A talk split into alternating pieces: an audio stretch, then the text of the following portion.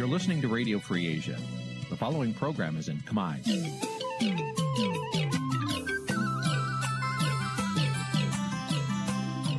នេះជាកម្មវិធីផ្សាយ Vuthu Azizi Serai នេះជាកម្មវិធីផ្សាយរបស់ Vuthu Azizi Serai ជាភាសាខ្មែរ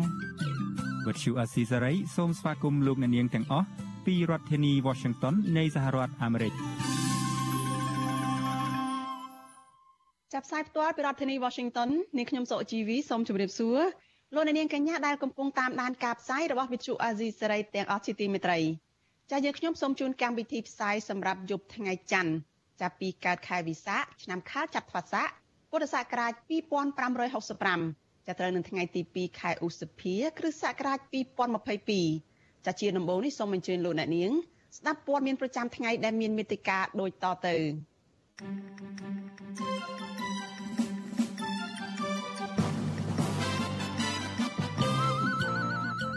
លោកហ៊ុនសែនប្រាប់មេដឹកនាំរបបសឹកភូមាឲ្យអនុញ្ញាតឲ្យប្រិសិទ្ធពិសេសអាស៊ានអាចជួបជាមួយលោកស្រីអ៊ុងសានស៊ូជី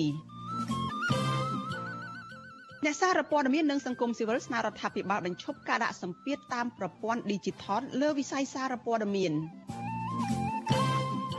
ប្រជាសហគមន៍នេសាទថាអាញាធរខេត្តបាត់ដំបងបង្ក្រាបបទល្មើសនេសាទនិងព្រៃលិចទឹកនៅមានខ្វះចន្លោះច្រើន សហគមន៍ព្រៃឡង់ថាអាញាធរខេត្តព្រះវិហារមិនបានទប់ស្កាត់បទល្មើសព្រៃឈើដែលប្រព្រឹត្តឡើងដោយក្រុមហ៊ុនវៀតណាម PNT រួមនឹងព័ត៌មានសំខាន់សំខាន់មួយចំនួនទៀតចាត់ជាបន្តទៅទៀតនេះនាងខ្ញុំសុជីវីសូមជូនព័ត៌មានទៅនេះពិស្ដាចលនានាងជាទីមេត្រីលោកនាយរដ្ឋមន្ត្រីហ៊ុនសែនប្រាប់មេដឹកនាំរបបសឹកមីយ៉ាន់ម៉ាឬក៏ភូមាឲ្យអនុញ្ញាតឲ្យប្រិសិទ្ធពិសេសអាស៊ានអាចជួបជាមួយនឹងអ្នកស្រីអ៊ុងសានស៊ូជី និងគ្រប់ភាគីពាក់ព័ន្ធនៅភូមាដើម្បីដោះស្រាយវិបត្តិនៅក្នុងប្រទេសនេះចាការលើកឡើងនេះគឺធ្វើឡើងនៅក្នុងជំនួបតាមប្រព័ន្ធវីដេអូមួយរវាងលោកហ៊ុនសែនជាមួយនឹងមេដឹកនាំរបបសឹកភូមាលោកមីនអងលៀងនៅថ្ងៃទី2ខែឧសភាចាខុសពីលើកមុនមុនដែលធ្វើនៅវិមានសន្តិភាពលើកនេះលោកហ៊ុនសែនបានរៀបចំកិច្ចប្រជុំតាមប្រព័ន្ធវីដេអូនេះនៅគេហដ្ឋានរបស់លោកនៅទីក្រុងនៅក្រុងតាខ្មៅ ចាស់ក្រសួងការបរទេសកម្ពុជាឲ្យនឹងតាមរយៈសេចក្តីថ្លែងសេចក្តីប្រកាសព័ត៌មានផ្សាយនៅថ្ងៃទី2ខែឧសភាពីលទ្ធផលនៃជំនួបនេះថាលោកហ៊ុនសែនបានស្វាគមន៍ចំពោះការដែលរបបសឹកភូមាបានដោះលែងអ្នកទោសចំនួន1600នាក់ក្នុងអំឡុងពេលពិធីបុណ្យចូលឆ្នាំប្រពៃណីភូមាកាលពីពាក់កណ្ដាលខែមេសាលោកហ៊ុនសែនបានអំពាវនាវសារជាថ្មីទៀតឲ្យរបបសឹកភូមាដោះលែងរាល់អ្នកទោសនយោបាយទាំងអស់ រួមទាំងអតីតទីប្រឹក្សាសេដ្ឋកិច្ចជនជាតិអូស្ត្រាលីគឺលោករបស់លោកស្រីអ៊ុងសានស៊ូជីនោះផងចាលោកហ៊ុនសែនក៏បានជំរុញឲ្យក្រុមប្រឹក្សារដ្ឋបាលដឹកនាំដោយក្រមយោធាភូមាផ្ដល់នូវកិច្ចសហការបន្ថែមទៀតដើម្បីសម្រួលដល់ការធ្វើទស្សនកិច្ចជាលើកទី2របស់ប្រេសិតពិសេសអាស៊ានដែលដឹកនាំរដ្ឋមន្ត្រីការបរទេសកម្ពុជាគឺលោកប្រាក់សុខុនទៅកាន់ប្រទេសនេះនៅចុងខែឧសភានេះក្រសួងការបរទេសកម្ពុជាឲ្យដឹងដែរថាលោកនាយរដ្ឋមន្ត្រីហ៊ុនសែន បានគូបញ្ជាក់ពីសារៈសំខាន់ប្រាប់ទៅមេដឹកនាំរបបសឹកភូមាដែលចាំបាច់ត្រូវអនុញ្ញាតឲ្យប្រិស័ទពិសេសអាស៊ានអាចជួបជាមួយនឹងភាគីពាក់ព័ន្ធនៅភូមារួមទាំងលោកស្រីអ៊ុងសានស៊ូជីអតីតប្រធានាធិបតីភូមាលោកវិនមិញដើម្បីបង្កើតនៅបរិយាកាសអំណោយផលនៅក្នុងការចាប់ផ្ដើមបើកឲ្យមានកិច្ចសន្ទនានយោបាយដែលមានការចូលរួមពីគ្រប់ភាគីពាក់ព័ន្ធទាំងអស់បើតាមក្រសួងការបរទេសកម្ពុជាមេដឹកនាំសឹកភូមាលោកមីនអងលៀង បានសន្យាថានឹងជួយសម្រួលឲ្យមានជំនួបជាមួយនឹងគ្រប់ភាគីពាក់ព័ន្ធទាំងអស់ចាស់ក្រៅពីនោះលោកហ៊ុនសែនក៏បានលើកទឹកចិត្តឲ្យក្រុងណៃពីដោជួយសម្រួលដល់ការផ្ដល់ជំនួយឲ្យបានទាន់ពេលវេលា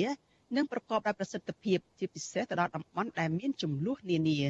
ចាវិទ្យុអាស៊ីសេរីនៅមិនទាន់អាចតកតងแนะនាំពាក្យរបបសឹកភូមាដើម្បីសុំការបញ្ជាក់បន្ថែមជុំវិញការអះអាងរបស់ក្រសួងការបរទេសកម្ពុជាស្ដីពីលទ្ធផលនៃជំនួបតាមប្រព័ន្ធវីដេអូនេះបាននៅឡើយទេ គិតនៅត្រឹមម៉ោងផ្សាយនេះចលនានាងជាទីមេត្រីចាតតតងនឹងសេរីភាពសារព័ត៌មានវិញម្ដងចាអ្នកសារព័ត៌មាននិងសង្គមស៊ីវិលស្នើរដ្ឋាភិបាលឲ្យលុបបំបាត់ការដាក់សម្ពាធតាមប្រព័ន្ធ Digital ទៅលើវិស័យសារព័ត៌មានដែលរាយការណ៍និងស្វែងរកដំណោះស្រាយពីភាគីពាក់ព័ន្ធឆ្លើយតបទៅនឹងបញ្ហាប្រឈមទាំងនោះចាពួកគេស្នើរដ្ឋាភិបាល និងក្រសួងព័ត៌មាន ឲ្យដោះស្រាយបញ្ហាប្រឈមរបស់អ្នកសារព័ត៌មានដើម្បីធានាផ្ដល់សេរីភាពពេញលេញដល់អ្នកសារព័ត៌មានរាយការណ៍ព័ត៌មានពិតសម្រាប់ជាប្រយោជន៍ទៅដល់ប្រជាពលរដ្ឋនិងសង្គមចាការលើកឡើងនេះកើតឡើងក្រោយដែលពួកគេរកឃើញថាករណីរំលោភបំពានលើអ្នកសារព័ត៌មានបន្តកើតឡើងគួរឲ្យព្រួយបារម្ភជាពិសេសតាមរយៈការបង្កើតច្បាប់និងអនុក្រឹត្យរបស់រដ្ឋាភិបាលចាលោកនាងនៅបានស្ដាប់សេចក្តីរាយការណ៍នេះពិស្ដារនៅក្នុងការផ្សាយរបស់យើងនៅពេលបន្តិចទៀតនេះ ចាលោកនាងជាទីមេត្រីសេចក្តីរាយការណ៍ពីខេត្តបាត់ដំបងឯណោះឲ្យដឹងថាមន្ត្រីសង្គមស៊ីវិលនិងប្រជាសហគមន៍នេសាទនៅក្នុងខេត្តនេះនៅមិនទាន់មានជំនឿចិត្តទៅលើប្រសិទ្ធភាពការងាររបស់អាជ្ញាធរនៅក្នុងខេត្តនេះឡើយនៅឡើយទេព្រោះអាជ្ញាធរនៅតែស្ទាក់ស្ទើរមិនហ៊ានអនុវត្តច្បាប់លើអ្នកដែលមានលុយមានអំណាច ដែលបានប្រព្រឹត្តបទល្មើសនេសាទទ្រង់ទ្រាយធំជាពិសេសសកម្មភាពកាប់ទន្ទ្រានដីព្រៃលិចទឹកអស់ជាច្រើនហិកតានៅតំបន់បឹងទន្លេសាបពួកគេសង្កេតឃើញថាអាជ្ញាធរដកហូតព្រៃដីព្រៃលិចទឹកទំហំរាប់ពាន់ហិកតាស្ថិតនៅក្នុងឃុំពីមឯកស្រុកឯកភ្នំប៉ុន្តែរហូតមកដល់ពេលនេះអាជ្ញាធរខាត់ខ្លួនជនល្មើសបានតែម្នាក់គត់ចាលោកសនច័ន្ទរដ្ឋារាយការណ៍ព័ត៌មាននេះមន្ត្រីសង្គមសវននិងប្រជាសហគមន៍នេសាទរស់នៅស្រុកឯកភ្នំខេត្តបាត់ដំបង មើលឃើញថាអាញាធរខេត្តបាត់ដំបងបន្តពង្រីកកម្លាំងសមត្ថកិច្ចចម្រុះប្រចាំការនៅតំបន់បឹងទន្លេសាបជាង2ខែមកហើយដើម្បីទប់ស្កាត់បលល្មើសនេសាទនិងផ្សព្វផ្សាយប្រាប់ប្រជាពលរដ្ឋឲ្យប្រមូលឧបករណ៍នេសាទខុសច្បាប់គ្រប់ប្រភេទប្រគល់ជួយអាញាធររីឯបរិមមួយចំនួន បានប្រមូលឧបករណ៍នេសាទខុសច្បាប់រួមមានឧបករណ៍ឆក់អុយបណ្ណារាវរបាំងស៊ីបអួនឆ្នុកសម្រាប់និងម៉ាញ់ជាដើមប្រគល់ជួយអាញាធរជាម្ដងម្ដងហើយ ប្រធានសហគមន៍នេសាទស្ដីក្រមរហាសួងខេត្តបាត់ដំបងលោកភីហឺតបានប្រាវិទ្យាអេស៊ីសរ៉ៃថាមទល់ពេលនេះអញ្ញាធរខេត្តនេះនៅតែបន្តអនុវត្តច្បាប់នេសាទយ៉ាងតឹងរឹងដោយបានដាក់ពង្រីកកម្លាំងចម្រុះប្រចាំការនៅតំបន់បឹងទន្លេសាបដើម្បីបង្ក្រាបបលល្មើសនេសាទជាប្រចាំលោកថាចំណាក់ការរបស់អាញាធរម្ដងនេះហាក់ច្បាស់លាស់ជាងសមម្ដងក៏ប៉ុន្តែអាញាធរនៅតែខ្វះចន្លោះមិនហ៊ានអនុវត្តច្បាប់ដល់អ្នកពាក់ព័ន្ធដែលកាប់ទន្ទ្រាននៃព្រៃលិចទឹកឲ្យគ្រប់ជ្រុងជ្រោយនោះទេ ឃើញថាដីវ៉ាន់3បានដកព្រៃយើងបានដោះមកវិញអត់មានកាប់រៀនទេអញ្ចឹងនៅត្រីបើសិនជាយើងការពារបនល្មើសនឹងបានទៀតវាល្អប្រសើរមែនតែនព្រៃក៏យើងបានដោះឡើងវិញកើនឡើងវិញហើយត្រីសាច់យើងក៏កើនបើយើងការពារអាឧបករណ៍ល្មើសច្បាប់នឹងកុំឲ្យរੂដាក់ផែនការឲ្យតឹងរឹងណាឲ្យឲ្យឲ្យរੂឧបករណ៍នេសាទស្របច្បាប់ទាំងអស់គ្នាតំណាងសហគមន៍នេសាទខេត្តបាត់ដំបងរំនេះ បន្ថែមថាប្រសិនបើអាញាធរខេត្តបាត់ដំបងបងក្រាបបលមនសាទទាំងរឹងយងវែងធនធានជលផលនឹងកាន់មានច្រើនហើយជីវភាពពលរដ្ឋកាន់តែប្រសើរចំណែកឯប្រជាសហគមន៍នេសាទខេត្តបាត់ដំបងលោកហៅសមាតអំពីវនីអាញាធរខេត្តនិងរដ្ឋាភិបាលគួរហាមប្រាមដល់អាជីវករលក់ឧបករណ៍នេសាទខុសច្បាប់ទ្រង់ទ្រាយធំលើទីផ្សារលោកថាឧបករណ៍នេសាទដែលបង្កគ្រោះថ្នាក់ដល់បញ្ឆាជារួមមានឧបករណ៍ឆក់បនតារាវស៊ីបរបាំងអ៊ូនឆ្នងសម្រាប់និងម៉ាញ់ជាដើម។ លោកបញ្យលថាបកនសាទបនតារាវគឺជាប្រភេទមងកលាញឹកដែលភ្ជាប់គ្នាប្រវែងរាប់ពាន់ម៉ែត្រជម្រៅ6ម៉ែត្រឡើងទៅដែលគេដាក់ពង្រាយរៀងខ្ទប់ដំណើររបស់ត្រីក្នុងព្រៃលិទឹកនៅតំបន់បឹងទន្លេសាបដើម្បីស្ទាក់ចាប់ត្រីទុយធំគ្រប់ប្រភេទបានច្រើនតោនក្នុងមួយសប្តាហ៍ បទល្មើសនេសាទវាមិនជារឿងដែលពិបាករកដូចជាគ្រឿងញៀននេះព្រោះគ្រឿងញៀនវាទូចតាក់ទងបទល្មើសដែលកើតមានទៅកន្លែងណាក៏ដល់ទៀតសមត្ថកិច្ចអាជ្ញាធរដែនដីនៅទីនោះហើយព្រោះវាអត់អត់មាននេះហើយអ្នកប្រព្រឹត្តក៏គ្មានអ្នកណាមកពីឆ្ងាយដែរវិទ្យុអស៊ីសេរីមិនតតែតតងសុំការបំភ្លឺរឿងនេះពីអភិបាលខេត្តបាត់ដំបងលោកសុកលូដើម្បីសូមអធិប្បាយអំពីបញ្ហានេះបាននៅឡើយទេ នៅថ្ងៃទី2ខែឧសភាដោយទូរស័ព្ទហៅចូលច្រានដងតែគ្មានអ្នកលើក ក៏ប៉ុន្តែប្រមាខែរំនេះបានជួននឹងប្រាប់បរដ្ឋកាលពីដើមខែមេសាថាត្រូវប្រកបឧបករណ៍នេសាទគ្រប់ប្រភេទជួយអាជ្ញាធរមានសមត្ថកិច្ចឲ្យបានត្រឹមថ្ងៃទី15ខែសីហាឆ្នាំនេះលើពីនេះត្រូវបញ្ឈប់ជាបន្ទាន់ការប្រើប្រាស់ជីគីមីនិងថ្នាំពុលគ្រប់ប្រភេទនៅក្នុងដែននេសាទលោកប្រមានថាបើបរិមិនអនុវត្តតាមការណែនាំនេះទេអាជ្ញាធរនឹងចោទឆែកឆេរតាមផ្ទះរឹបអូសឧបករណ៍នេសាទល្មើសច្បាប់ហើយចាត់វិធានការតាមផ្លូវច្បាប់ដោយគ្មានការលើកលែងនោះទេអភិបាលខេត្តរំនេះ បានបញ្ជាមន្ត្រីកសាងទីស្នាក់ការមួយកន្លែងសម្រាប់អនុវត្តការគ្រប់គ្រងនៅមកក្រាបបលមនិសាន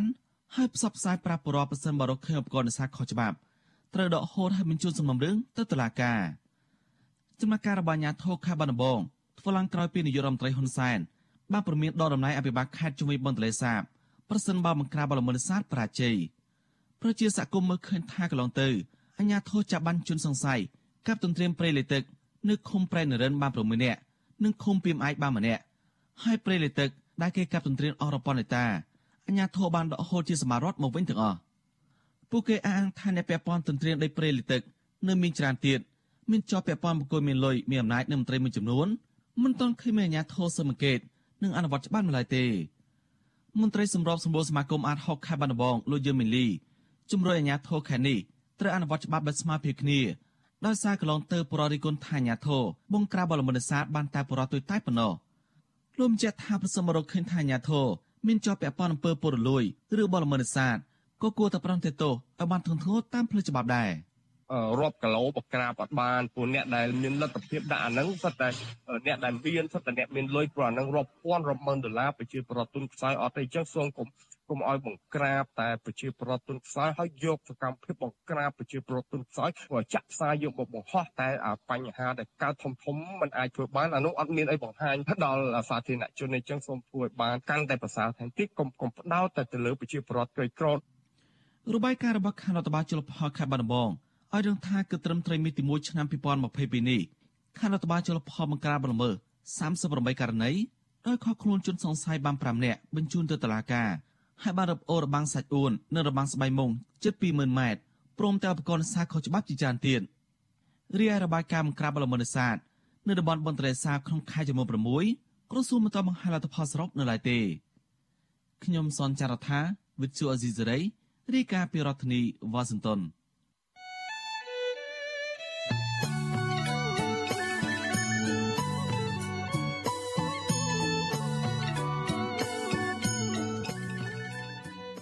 ចាលោកនាងកញ្ញាជាទីមេត្រីចាដំណើរគ្នានឹងការផ្សាយផ្ទាល់តាមបណ្ដាញសង្គម Facebook និង YouTube នេះចាលោកនាងក៏អាចស្ដាប់ការផ្សាយរបស់ Vithu Azizi សេរីចាតាមរយៈ Vithu រលកធាតុអាកាសខ្លី SW ចាតាមកម្រិតនិងកម្ពស់ដូចតទៅនេះចាពេលព្រឹកចាប់ពីម៉ោង5កន្លះដល់ម៉ោង6កន្លះចាតាមរយៈរលកធាតុអាកាសខ្លីចាំ12140 kHz ស្មើនឹងកម្ពស់ 25m និង13715 kHz ស្មើនឹងកម្ពស់ 22m ចាប់ពេលយប់ ចាប់ពីម៉ោង7កន្លះដល់ម៉ោង8កន្លះតាមរយៈរលកធាតុអាកាសខ្លី9960 kHz ស្មើនឹងកម្ពស់ 30m 12140 kHz ស្មើនឹងកម្ពស់ 25m និង11885 kHz ស្មើនឹងកម្ពស់ 25m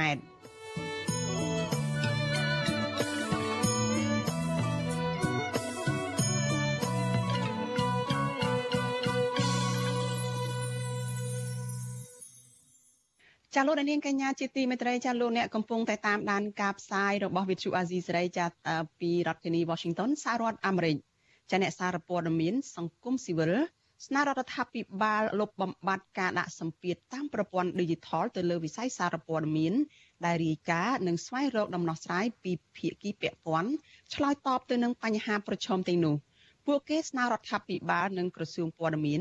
ឲ្យជួយដោះស្រាយបញ្ហាប្រឈមរបស់អ្នកសារព័ត៌មាន ចាដើម្បីធានាផ្ដល់សេរីភាពពេញលេញដល់អ្នកសារព័ត៌មានឲ្យរាយការណ៍ព័ត៌មានពិតសម្រាប់ជាប្រយោជន៍ទៅដល់ពលរដ្ឋនិងសង្គមចាការលើកឡើងនេះគឺក្រោយពេលដែលពួកគេរកឃើញថា មានករណីរំលោភបំពានលើអ្នកសារព័ត៌មានបន្តកើតឡើងគួរឲ្យព្រួយបារម្ភជាពិសេសតាមរយៈការបង្កើតច្បាប់និងអនុក្រឹត្យរបស់រដ្ឋាភិបាលចាលោកមានរិទ្ធរាយការណ៍អំពីរឿងនេះអង្គការសង្គមស៊ីវិលសមាគមអ្នកសារព័ត៌មានសរុបប្រមាណ24ស្ថាប័ន បានរៀបចំទិវាសេរីភាពសារព័ត៌មានពិភពលោកក្រោមប្រធានបទសារព័ត៌មានក្នុងសម្ពាធប្រព័ន្ធ Digital នៅសន្តាគារ Himawari រាជធានីភ្នំពេញ នៅថ្ងៃទី2ខែឧសភា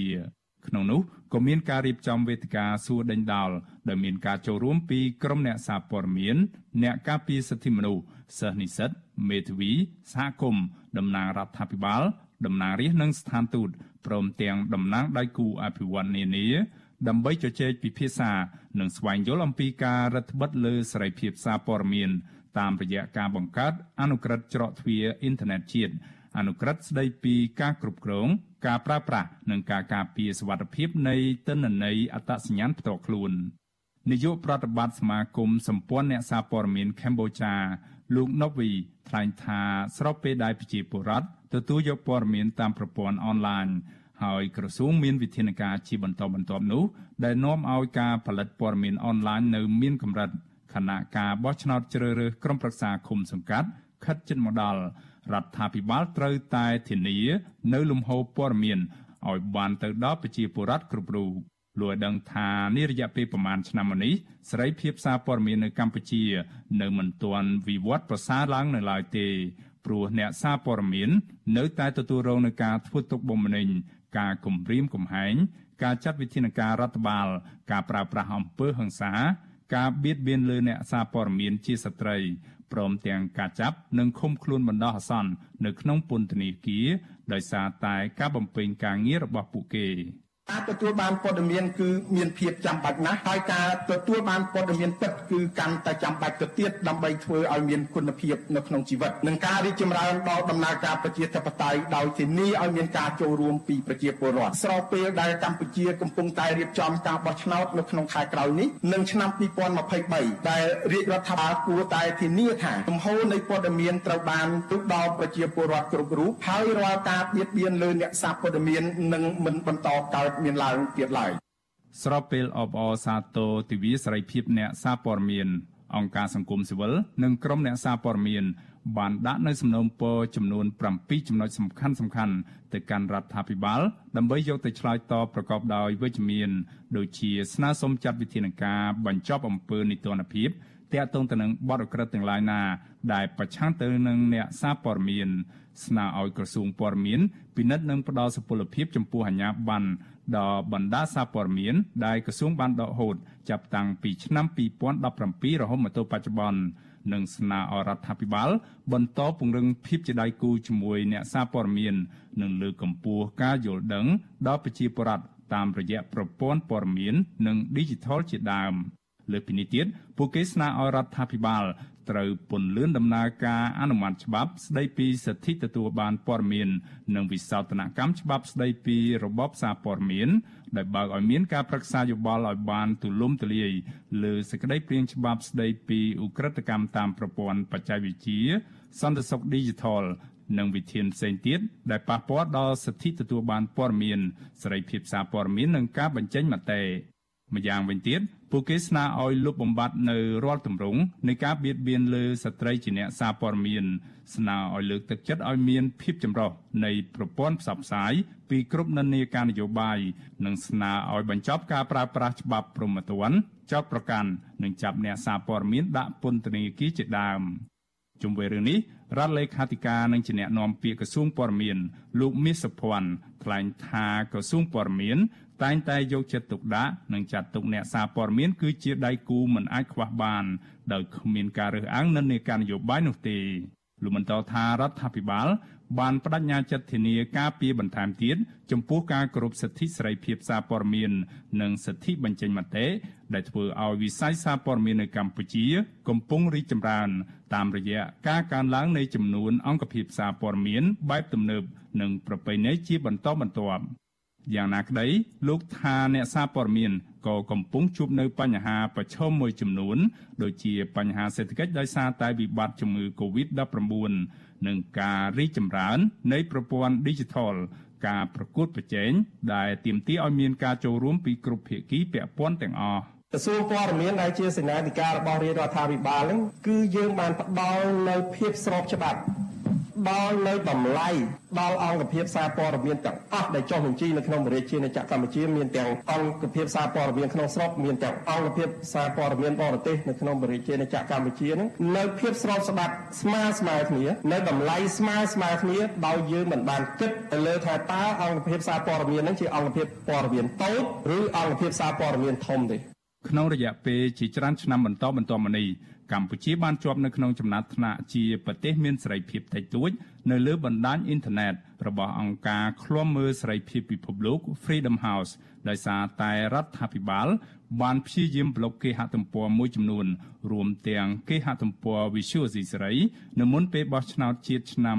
2018ដែលត្រូវបានគេចាត់ទុកថាជាការបោះឆ្នោតคล้ายៗនិងបានបង្កើនយុទ្ធនាការចាប់ខ្លួននិងបំផិតបំភ័យលើក្រុមអ្នករិះគន់និងសម្លេងប្រឆាំងនៅលើបណ្ដាញអ៊ីនធឺណិតក្រុមអង្គការជាតិនិងអន្តរជាតិតែងតែទទូចឲ្យរដ្ឋាភិបាលលោកនាយរដ្ឋមន្ត្រីហ៊ុនសែន ធានានៅសេរីភាពជាមូលដ្ឋាន និងធានានៅប្រសិទ្ធភាពនៃការប្រើប្រាស់ប្រព័ន្ធអ៊ីនធឺណិតនៅកម្ពុជាប្រកបដោយសុវត្ថិភាពសម្រាប់ពលរដ្ឋនិងអ្នកសារព័ត៌មានដោយដែលត្រូវបានធានាស្របតាមរដ្ឋធម្មនុញ្ញខ្ញុំបាទមេរិត Visual C ស្រីរាយការណ៍ពីរដ្ឋធានី Washington ចាលោកនាងកញ្ញាជាទីមេត្រីចាតតងនឹងការប្រ rup ទិវាសិទ្ធិសេរីភាពសារព័ត៌មាននេះចានេះខ្ញុំបានភ្ជាប់ប្រព័ន្ធវីដេអូ Skype ចាទៅលោកអ៊ិតសុធឿនចាដែលលោកជានាយកនៃមជ្ឈមណ្ឌលកម្ពុជាដើម្បីប្រព័ន្ធផ្សព្វផ្សាយឯករាជ្យចាយើងនឹងជជែកគ្នាបន្ថែមទៀតតតងទៅនឹងបញ្ហាប្រឈមរបស់អ្នកសារព័ត៌មាននៅក្នុងសម័យ Digital នេះចាសូមជម្រាបសួរលោកសុធឿនពីចម្ងាយចាបាទសូមជម្រាបសួរលោកស្រីជីវី ដូចជាប្រិយមិត្តរបស់ស៊ីស្រីទាំងអស់បាទ ចាសុធឿនជាទូទៅតើនៅក្នុងការប្រពៃទិវាសេរីភាពសារព័ត៌មានដែលរៀបចំដោយក្រុមអង្គការសង្គមស៊ីវិលនេះមានការវាតម្លៃថាយ៉ាងម៉េចខ្លះទៅចាយើងបានលើសេចក្តីរាយការណ៍របស់លោកមានរដ្ឋហើយថាអ្នកសារព័ត៌មានព្រមទាំងអង្គការសង្គមស៊ីវិលដែលលើកស្ទួយសិទ្ធិសេរីភាពសារព័ត៌មាននេះគឺចង់ឲ្យរដ្ឋាភិបាលនឹងយកចិត្តទុកដាក់ដោះស្រាយបញ្ហាប្រឈមរបស់អ្នកសារព័ត៌មានបញ្ឈប់ការយាយីហើយបើកទូលាយសិទ្ធិសេរីភាពឲ្យគាត់នឹងអាចផ្សព្វផ្សាយព័ត៌មានពិតដែលជាប្រយោជន៍របស់សង្គមជាតិនឹងចាតើមានអ្វីបន្ថែមពីលើនេះចាសូមអញ្ជើញលោកសុធឿចាបាទពិតណាស់ដោយលោកមានរដ្ឋបានរាយការណ៍នៅក្នុងសេចក្តីរាយការណ៍របស់របស់គាត់មុននេះគឺជាសេចក្តីសង្ខេបរួមគឺអង្គការសង្គមស៊ីវិលយើងយើងបានចេញជាសេចក្តីស្នើឬក៏អនុសាសន៍ទៅដល់រាជរដ្ឋាភិបាលចំនួន7ចំណុចហ្នឹងហើយមែនទែនទៅបើយើងទៅជែកវិញថាតើបញ្ហា សេរីភាពសារព័ត៌មាននៅប្រទេសកម្ពុជាហ្នឹងនៅតែជាមានបញ្ហាឬក៏យ៉ាងណាយើងនិយាយខ្លីជាធម្មតាមានបញ្ហាទៅយើងមានជាស្នើជាដំណោះស្រាយហើយដូចនៅក្នុងសេចក្តីរាយការណ៍របស់លោកមានរិទ្ធគឺអង្គការអន្តរជាតិហើយក៏ដូចជាអង្គការជាតិនៅក្នុងស្រុកយើងក៏យើងសង្កេតឃើញអំពីបញ្ហាប្រឈមនៅក្នុងប្រទេសកម្ពុជាយើងសម្រាប់អ្នកសារព័ត៌មានឯករាជ្យហ្នឹងគឺនៅតែបន្តកើតមាន បញ្ហាដែលបន្តកើតមានហ្នឹងគឺយើងឃើញក្រោមរូបភាពផ្សេងផ្សេងគ្នាដូចជាទស្សនវិជ្ជាការប្រើប្រាស់ប្រព័ន្ធតឡាការដើម្បីដាក់សម្ពាធក៏ដូចជាគម្រាមកំហែងទៅលើអ្នកសារព័ត៌មានការប្រើប្រាស់រូបភាពជាការគម្រាមកំហែងដោយផ្ទាល់ទៅលើអ្នកសារព័ត៌មាននៅពេលដែលគាត់ចុះទៅយកព័ត៌មានខ្ញុំឧទាហរណ៍ដូចជាករណីនៅ Nagaver ដែលនៅរាជធានីភ្នំពេញនឹងផ្ទាល់ ហើយនឹងមានការដកជាអាញាប័ណ្ណដែលក្នុងនោះគឺជាចំណុចអនុសាសន៍របស់យើងនឹងក៏យើងមានស្នើសុំឲ្យក្រសួងពុទ្ធមាននឹងផ្ដល់ជាករណី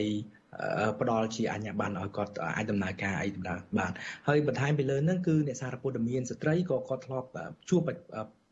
ជាច្រើនដូចនៅក្នុងសម្រាប់ប្រធានបទ ទិវាសេរីភាពសារព័ត៌មានអន្តរជាតិពិភពលោកនៅក្នុងឆ្នាំ2022នេះគឺប្រធានបទធំដែលយើងធ្វើហ្នឹងគឺសេរីភាពសារព័ត៌មាននៅក្នុងសម្ពាធ digital យើងឃើញថានៅក្នុងឆ្នាំនេះយើងផ្ដោតទៅលើបញ្ហានេះគឺដោយសារតែយើងធ្វើឲ្យទៅត្រូវនឹងសម័យកាលដោយសារតែសារព័ត៌មានបែបប្រពៃណីដែលមានវិទ្យុកាសែតហើយនឹងទូរទស្សន៍ហ្នឹងហាក់ដូចជាមានការថមថយ ជាមួយនឹងវត្តមានរបស់ប្រព័ន្ធ digital ហើយនៅដែលយើងហៅភាគប្រើប្រាស់ភាគច្រើនហ្នឹងគឺបណ្ដាញសង្គមហ្នឹងមានការរីកចម្រើនច្រើនក៏ប៉ុន្តែនៅពេលដែលមានការរីកលូតលាស់នៃបណ្ដាញសង្គមនេះគឺយើងហាក់ដូចជាមានបញ្ហាប្រឈមថ្មីមួយគឺនៅតាមប្រព័ន្ធ digital ដែលបច្ចេកវិទ្យានេះគឺអនុញ្ញាតឲ្យមានការតាមដានគឺដូចហាក់ដូចយើងយើងមានប្រើពាក្យថាសម្ពាធពីខាងប្រព័ន្ធ digital ហ្នឹងអញ្ចឹងទាំងប្រជាពលរដ្ឋអ្នកប្រើប្រាស់ទូទៅអ្នកសារព័ត៌មានគឺហាក់ដូចជារងសម្ពាធ digital នេះច្រើនបន្ថែមពីហ្នឹងគឺសម្ពាធពាក់ព័ន្ធនឹងការព័ត៌មានមិនពិតដែលមានការរីកសាយផុសភាភាពេញបណ្ដាញសង្គមហ្នឹងបាទអញ្ចឹងយើងឃើញថាបញ្ហានេះជាបញ្ហាប្រឈមដែលមានច្រើនអញ្ចឹងយើងលើកប្រធានបទនេះដើម្បីទៅជែកពិភាក្សាដោយយើងជាបញ្ហារឿងល្អមួយដែលយើងទទួលបានការចូលរួមពីភាគីពាក់ព័ន្ធយ៉ាងច្រើនដែលមានទាំងអង្គការជាតិអន្តរជាតិម្ចាស់ជំនួយក៏ដូចជាមានវត្តមានចូលរួមរបស់ក្រសួងពលរដ្ឋមានដែលជា សេនាធិការរបស់រដ្ឋាភិបាលទៅលើវិស័យសារព័ត៌មាននេះបាទចា៎លោកសុធឿនតកតងទៅនឹងការចុះទៅយកព័ត៌មានរបស់របស់អ្នកអ្នកសារព័ត៌មានកន្លងមកហ្នឹងពេលដែលគាត់ចុះទៅយកព័ត៌មានហ្នឹងក៏មានការរាយការណ៍មកថាមានការយាយីឧទាហរណ៍ដូចជាការរៀបរៀងការតាមដានការដកហូតយកម៉ាស៊ីនថតរូបម៉ាស៊ីនថតសម្លេងអីហើយឲ្យលុបចោលបង្ខំឲ្យលុបចោលឬក៏មានការគំរាមកំហែងវាយធ្វើបាប ដូចជានៅក្នុងករណីនៅ Nagawal មានការរុញច្រានគ្នាអីចឹងទៅ ធ្វើឲ្យគាត់ពិបាកយកព័ត៌មានហើយនៅតំបន់ខ្លះទៀតហ្នឹងការចុះទៅយកព័ត៌មានហ្នឹងក៏ស្រាប់តែមានការខាត់ខ្លួនអ្នកសារព័ត៌មានដូចជានៅក្នុងករណីលោកមិចតារាដែលគាត់បានទៅយកព័ត៌មានអ្នកយកព័ត៌មានរបស់សម្លេងជាតៃវីឌីដែលគាត់ទៅយកព័ត៌មាននៅខេត្តប្រសេះអនុហ្នឹងក៏ត្រូវសមត្ថកិច្ចហ្នឹងខាត់ខ្លួន5ម៉ោងដើម្បីសាកសួរហើយបង្ខំឲ្យលុបរូបភាពអីចឹងទៅទើបមានការដោះលែងត្រឡប់មកវិញហើយមានរឿងរ៉ាវជាច្រើនទៀតតកតនៅអ្នកសារព័ត៌មានការដាក់បណ្ដឹងប្រឆាំងអ្នកសារព័ត៌មានដោយលោកសុធិលើកឡើងចឹងបណ្ដឹងទៅតុលាការឲ្យជាប់បទព្រមត្តនអីចឹងទៅតែថ្ងៃនេះចាខាងកម្ពុជាចាសមាគមសម្ព័ន្ធអ្នកសារព័ត៌មានកម្ពុជាគាត់បានចេញរបាយការណ៍មួយដែលលើកឡើងថា80%នៃអ្នកសារព័ត៌មានដែលគាត់បានសាកសួរជាអ្នកដែលធ្វើការនៅតាមប្រព័ន្ធ digital ឬក៏ online ហ្នឹង គឺបារម្ភថាពួកគាត់គ្មានសុវត្ថិភាពទេនៅក្នុងការរីកាព័ត៌មានចាហើយមួយទៀតហ្នឹងមាន60%ហ្នឹងបារម្ភថាគេអាចនឹងអនុវត្តអនុក្រឹត្យថ្មីស្ដីពីច្រកទ្វារអ៊ីនធឺណិតហ្នឹងដើម្បីរឹតបន្តឹងសិទ្ធិសេរីភាពរបស់គាត់ពួកគាត់ដូច្នេះពេលទៅយកព័ត៌មាននេះក៏ជួបបញ្ហាពេលដែលយកព័ត៌មានមកផ្សាយតាមអនឡាញនេះពួកគាត់មានបញ្ហាមួយទៀត អាចលោកសុធិតជួយបញ្ជាក់បន្ថែមមកថាតើមានការព្រួយបារម្ភឬក៏ភ័យខ្លាចយ៉ាងណាខ្លះតាក់ទងទៅនឹងការផ្សព្វផ្សាយព័ត៌មានតាមអនឡាញតាមប្រព័ន្ធ digital របស់អ្នកសារព័ត៌មានបន្ថែមទៅលើការយាយីនៅពេលដែលពួកគាត់ទៅយកព័ត៌មាននៅតាមមូលដ្ឋាននឹងចា៎បាទអរគុណច្រើនលោកស្រីជីវីដែលបានលើកករណីរបស់លោកមិត្តរាដែលគាត់បាននិយាយនេះគឺជាបទពិសោធន៍ដែលអ្នកព័ត៌មានយើងជួបប្រទេសជាញឹកញាប់ ហើយវាជារឿងគួរឲ្យសោកស្ដាយដែរដែលប៉ុន្មានថ្ងៃប៉ុណ្ណោះមុននឹងយើងប្ររពទិវាសេរីភាពសារព័ត៌មានពិភពលោកនេះហើយមានករណីបែបនេះកើតឡើងអញ្ចឹងហើយនេះមិនមែនជាលើកទី1ទេដែលអ្នកសារព័ត៌មានយើងត្រូវបានខត់ខ្លួនហើយក៏ដូចជាសាកសួរឬក៏គំរាមឲ្យលុបរូបឬក៏វីដេអូដែលគាត់បានថតនេះបាទអញ្ចឹងអឺពិតណាស់គឺរបាយការណ៍ដូចលោកស្រីបានលើកហ្នឹងគឺខ្ញុំដូចខ្ញុំបានបញ្ជាក់ពីខាងដើមបន្តិចដែរថា នៅពេលដែលយើងមានប្រព័ន្ធបច្ចេកបច្ចេកវិទ្យាឬក៏ digital នេះគឺវាបានផ្ដល់ជាភាពងាយស្រួលខ្លះទៅដល់អ្នកសារព័ត៌មានដោយខ្ញុំឧទាហរណ៍ដូចជាអាស៊ីសេរីខ្លួនឯងក្នុងការត្រូវបានបិទការិយាល័យនៅក្នុងប្រទេសកម្ពុជាហើយក៏មានទម្រង់គឺថាថាវេទិកាមួយដើម្បីផ្សព្វផ្សាយទៅប្រិយមិត្តនៅក្នុងប្រទេសកម្ពុជាដើម្បី រួមទទួលបានព័ត៌មានបាទក៏ប៉ុន្តែជាមួយគ្នានេះក៏មានបញ្ហាដែលនាំជាការលំបាកឬក៏ប្រឈមសម្រាប់អ្នកសារព័ត៌មានឧទាហរណ៍ជាក់ស្ដែងគឺអ្នកសារព័ត៌មានដែលកំពុងតែបំពេញការងារនៅក្នុងប្រទេសកម្ពុជា ដែលគាត់អឺពឹងផ្អែកបច្ចុប្បន្នជាពិសេសនៅពេលដែលមានក្នុងបរិបទជំងឺ Covid-19 គឺគាត់ពឹងផ្អែកខ្លាំងមែនទែនទៅលើប្រព័ន្ធ digital ប្រព័ន្ធទំនាក់ទំនងហៅថា ICT ហ្នឹងគឺទូរស័ព្ទបណ្ដាញសង្គមអីផ្សេងផ្សេងដើម្បីទំនាក់ទំនងសម្ភារឬក៏ស្វែងរកព័ត៌មានអីផ្សេងផ្សេងក៏ប៉ុន្តែនៅពេលដែលគាត់ពុំមានចំណេះដឹងគ្រប់គ្រាន់ឬក៏គាត់ពុំមានជំនាញនៅក្នុងវិស័យនឹងច្រើនគ្រប់គ្រាន់អញ្ចឹងគាត់ពិបាកក្នុងការទប់ស្កាត់ការពារសុវត្ថិភាពខ្លួនឯងជាពិសេសទាក់ទងនឹងគេហៅថាព័ត៌មានផ្ទាល់ខ្លួន អ្វីដែលយើងសកម្មភាពរបស់យើងធ្វើនៅលើប្រព័ន្ធ digital នេះអញ្ចឹងហើយទោះបីជាអ្នកខ្លះគាត់មានចំណេះដឹងក្នុងកម្រិតមួយក៏គាត់នៅតែពិបាកក្នុងការធានាថាខ្លួនឯងមានសុវត្ថិភាពឬក៏សកម្មភាពរបស់ខ្លួនឯងនៅនៅលើប្រព័ន្ធ digital ហ្នឹងគឺមិនត្រូវបានគេតាមដានឬក៏ដឹងទេពលយើងនៅក្នុងសម័យបច្ចេកវិទ្យានេះដែលហៅថា AI នេះគឺសម្រាប់យើងជាមនុស្សសាមញ្ញទូទៅគឺយើងពិតជាពិបាក ខ្លាំងមែនទែនថាបច្ចេកវិទ្យា AI នេះថាអាចធ្វើអ្វីបានខ្លះអញ្ចឹងហើយដោយសារតែ AI នេះក៏គាត់អាចធ្វើមានសមត្ថភាពធ្វើរឿងច្រើនលើសលប់ដែលយើងមិនមែនជាអ្នកជំនាញខាងបច្ចេកវិទ្យានេះគឺពិបាកក្នុងការស្មានទុកអញ្ចឹងយើងគឺមានការព្រួយបារម្ភហើយជាពិសេសសម្រាប់អ្នកសារព័ត៌មានឯករាជ្យដែលគាត់ត្រូវធ្វើការទៅលើបញ្ហាប្រឈមបញ្ហារសើបផ្សេងផ្សេង គឺមិនវាជារឿងធម្មតាជារឿងធម្មជាតិដែលគាត់ត្រូវមានការព្រួយបារម្ភហើយដូចជាក្នុងរបាយការណ៍ដែលលោកស្រីបានលើកហ្នឹងគឺរយៈសារព័ត៌មានភាគច្រើនដែលគាត់មានអារម្មណ៍ថាមិនអាមានអារម្មណ៍ថាសមត្ថភាពហើយ ជាមួយគ្នានឹងក៏មានអ្នកសារព័ត៌មានមួយចំនួនដូចជាអ្នកសារព័ត៌មានស្ត្រីហ្នឹងក៏គាត់បានរាយការណ៍ថារោងការអាចថាបៀតបៀនឬក៏យាយីនៅលើប្រព័ន្ធ digital ដែរអញ្ចឹងអានេះគឺជាបញ្ហាប្រឈមថ្មីក្នុងទម្រង់ថ្មីមួយទៀតសម្រាប់អ្នកសារព័ត៌មានទូទៅហើយក៏ដូចជាអ្នកសារព័ត៌មានស្ត្រីយើងដែរចា៎ក៏ តកតងទៅនឹងការបៀតបៀនឬក៏ការយាយីអ្នកសារព័ត៌មាននេះយើងមានការយាយីនៅតាមសង្គមផ្ទាល់ការអនុវត្តចុះទៅយកព័ត៌មានផ្ទាល់ហើយក៏មានការយាយីនៅតាមប្រព័ន្ធអ៊ីនធឺណិតអីនឹងទៀតតើមានការឆ្លើយតបយ៉ាងម៉េចទេពីខាងមន្ត្រីរដ្ឋាភិបាលចំពោះក្តីបារម្ភនេះហើយក៏មានការស្នើឡើងដោយក្រុមអង្គការសង្គមស៊ីវិលនិងខាងអ្នកសារព័ត៌មាននឹងចាស់លោកសុធឿន បាទជានិច្ចកាលនៅពេលដែលយើងមានការដូចថាចោតសួរឬក៏មានជាយុទ្ធនាការដើម្បីស្នើសុំឲ្យមានការបំភ្លឺទាក់ទងបញ្ហាហ្នឹងគឺរដ្ឋាភិបាលក៏តែងតែបដិសេធថាគាត់មិនមានការតាមដានគាត់មិនមានការខ្លំមើលឬក៏វិធានការដែលគាត់ចាត់ធ្វើមកប្រឆាំងទៅលើអ្នកដែលផ្សេងទៀតឧទាហរណ៍អ្នកដែលបាន post អីមួយឬក៏ចែករំលែកអីមួយក៏តែងតែអះអាងថាអានឹងគឺជាការអនុវត្តច្បាប់ បាទហើយការអនុវត្តច្បាប់នឹងទៀតសោតគឺអឺ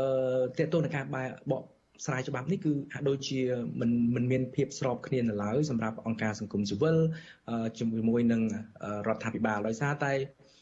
បទចោតដែលពេញនិយមដែលយើងកន្លងមកឃើញជាបទចោតពាក់ព័ន្ធនឹងការញុះញង់បទញុះញង់ បទបង្ក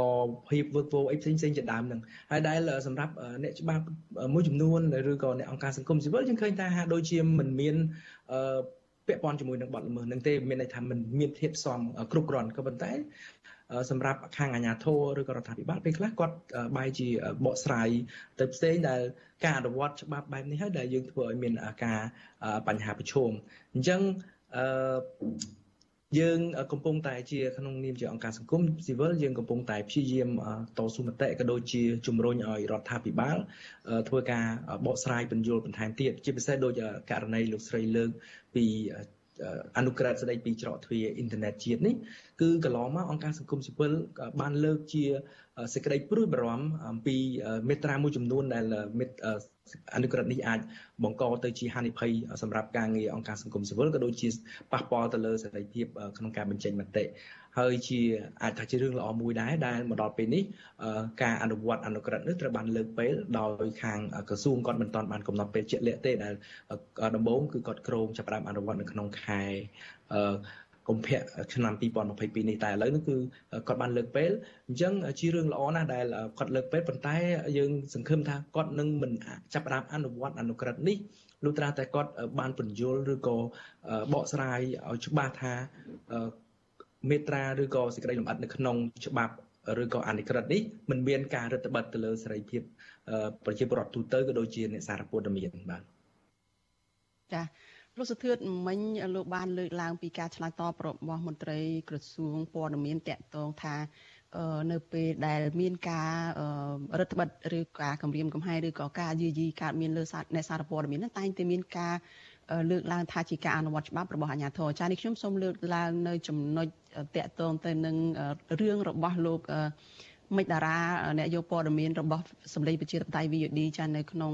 ពេលដែលលោកចុះទៅយកព័ត៌មានកាលពីថ្ងៃទី29ខែមេសា នៅឯខេត្តប្រសិទ្ធនុហ្នឹងគឺនៅពេលដែលខាងក្រមអាជ្ញាធរមានសមត្ថកិច្ចហ្នឹងទៅបង្ក្រាបបទល្មើសមួយនៅរោងចក្រ មួយកន្លែងឈ្មោះថារោងចក្រជីងកាងនៅក្នុងខេត្តប្រសិទ្ធនុនឹងហើយលោកមិចតារាលោកបានរៀបរាប់ថាលោកបានទៅថតរូបនៅពីខាងក្រៅរបងរោងចក្រទេបានន័យថារូបថតនោះបានឃើញមានអឺ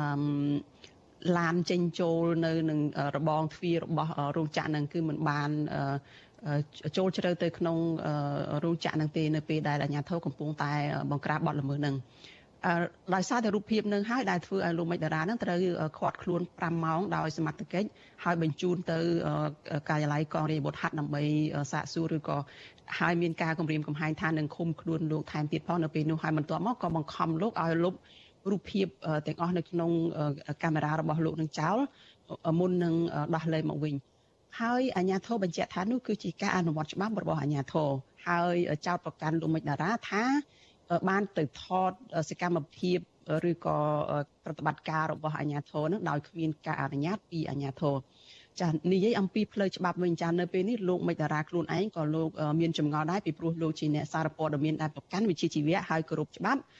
លោកតែងតែអនុវត្តតាមច្បាប់អញ្ចឹងលោកគិតថាលោកនឹងដាក់លិខិតទៅក្រសួងមហាផ្ទៃនិងក្រសួងព័ត៌មានដើម្បីឲ្យជួយឆ្លើយនៅចម្ងល់របស់លោកថាតើច្បាប់អ្វីដែលហាមឃាត់អ្នកសារព័ត៌មានមិនឲ្យថតរូបនៅទីសាធារណៈ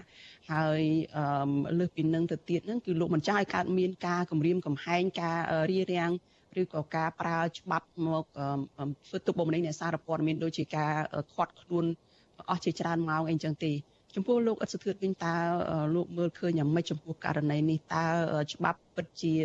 ហាមឃាត់អ្នកសារព័ត៌មានមិនឲ្យថតរូបនៅទីសាធារណៈអញ្ចឹងដែរទេចា៎បាទអរគុណលោកស្រីសុជីវីអឺខ្ញុំមិនចង់ទៅជែកករណីជាក់លាក់ទៅករណីរបស់គាត់ទេក៏ប៉ុន្តែនេះជាមិនមែនដូចខ្ញុំបញ្ជាក់ខាងដើមគឺមិនមែនជាករណីទី1នោះទេហើយកន្លងមកក៏ធ្លាប់មានបញ្ហាស្តៀងគ្នានេះកើតឡើង អឺជារួមកន្លងមកអាជ្ញាធរក៏តែងតែមានការបកស្រាយជាពិសេសខាងក្រសួងពុទ្ធមានក៏ក៏ដូចជាអាជ្ញាធរមានសមត្ថកិច្ចក៏ថាការអនុវត្តទាំងអស់នោះគឺជាលក្ខណៈបុគ្គលអញ្ចឹងអឺគាត់ថាគាត់សម្បីតែក្រសួងពុទ្ធមានខ្លួនឯងក៏គាត់ទទួលស្គាល់ដែរថានៅទីសាធារណៈគឺ គ្មានច្បាប់ណាដែលមកហាមឃាត់គេមិនអោយអឺប្រជាពលរដ្ឋទូទៅមិនចាំបាច់និយាយដល់អ្នកសារព័ត៌មានទេគឺប្រជាពលរដ្ឋទូទៅក្នុងការបដិយកទស្សនវិជ្ជាឬក៏ទៅសង្កេតមើលអីហ្នឹងបាទអញ្ចឹងដូចជាខ្ញុំឧទាហរណ៍កាលពីកន្លងទៅ កាលពីដូចជាចុងឆ្នាំ 2021គឺអាដាមរដ្ឋមន្ត្រីក្រសួងពុទ្ធមានខ្លួនឯងក៏គាត់ធ្លាប់បានលើកជាសាធារណៈថានៅទីសាធារណៈគឺបងប្រជាពលរដ្ឋជាពិសេសអ្នកសារព័ត៌មានគឺគាត់មានសិទ្ធិពេញលេញក្នុងការបំពេញទូនាទីវិជ្ជាជីវៈហើយមន្ត្រីក្រសួងពុទ្ធមានខ្លួនឯងក៏គាត់ធ្លាប់លើកដែរថាអឺគាត់ក្នុងចំណោមអាជ្ញាធរនឹងហាក់ដូចជាមិនទាន់បានយល់អំពីទូនាទីរបស់អ្នកសារព័ត៌មានក៏ប៉ុន្តែការបកស្រាយរបស់គាត់ត្រឹមប៉ុណ្ណេះ យើងគិតថាវាមិនទាន់គ្រប់គ្រាន់ទេព្រោះថានៅពេលដែលគាត់គ្រាន់តែបកស្រាយថាជាការអនុវត្តលក្ខណៈបុគ្គលទៅតាមមន្ត្រីមួយចំនួនហើយក៏ថាថ្នាក់លើនេះគឺមិនមែនជាគោលការណ៍ជាយោងតាមគោលការណ៍របស់ក្រសួងមានសមត្ថកិច្ចនេះគឺគាត់មិនមានគោលការណ៍អញ្ចឹងទេអញ្ចឹងទោះបីជាគាត់មានគោលការណ៍មិនគោលការណ៍ តែលទ្ធផលជាក់ស្ដែងគឺអ្នកសារព័ត៌មានយើងរងសម្ពាធរងការយាយីរងការរំខានដែលគាត់មិនអាចបំពេញទូនាទីដ៏សំខាន់របស់គាត់ក្នុងការរាយការណ៍ព័ត៌មានពិតទៅដល់សាធារណជនបាទអញ្ចឹងជាឱកាសនេះដែរខ្ញុំគិតថាជាសំណុំពរទៅដល់អាជ្ញាធរមានសមត្ថកិច្ចគឺគាត់តែគួរតែព្យាយាមយល់អំពីសារទូនាទីរបស់អ្នកសារព័ត៌មានហើយសមាតកិច្ចពាក់ព័ន្ធនឹងទៀតសោតជាពិសេសនៅថ្នាក់លើនឹងគាត់គួរតែមានវិធានការជាក់លាក់ ដើម្បីអប់រំផ្សព្វផ្សាយអំពីទូនាទីរបស់អ្នកសារព័ត៌មានក៏ដូចជាសិទ្ធិមូលដ្ឋានរបស់ប្រជាពលរដ្ឋនៅក្នុងការទទួលបាន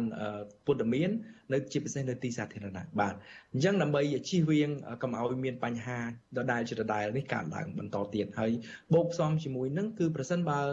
អឺបើយើងគិតពីទស្សនវិជ្ជាផ្លូវច្បាប់មានន័យថាសមត្ថកិច្ចនៅមូលដ្ឋានហ្នឹងហាក់ដូចជារំលោភសិទ្ធិ របស់ប្រជាពលរដ្ឋហើយអញ្ចឹងអាជ្ញាធរគួរតែអាចថាមានជាវិធានការសំរុំណាមួយអាចថាជាវិធានការរដ្ឋបាលឬក៏ដាក់ជាពិន័យទៅលើមន្ត្រីដែលអនុវត្តខុសទូនាទីអនុវត្តខុសពីច្បាប់បាទដោយតែខ្ញុំលើកហ្នឹងគឺមន្ត្រីក្រសួងពុទ្ធមានមួយចំនួនក៏ថាហាក់ដូចជាមិនទាន់មានការយល់គ្នារវាងអាជ្ញាធរមានសមត្ថកិច្ចទោះបីជាខាងក្រសួងពុទ្ធមានព្យាយាមបញ្យល់កន្លងមកហើយក៏ដោយបាទចា៎ អរគុណច្រើនលោកសុធឿតចាដែលជានាយកនៃមជ្ឈមណ្ឌលកម្ពុជាដើម្បីប្រព័ន្ធផ្សព្វផ្សាយឯករាជ្យចាសូមជូនពរលោកសុខភាពល្អចាជំរាបលាលោកត្រឹមប៉ុណ្ណេះចាបាទសូមអរគុណខ្ញុំ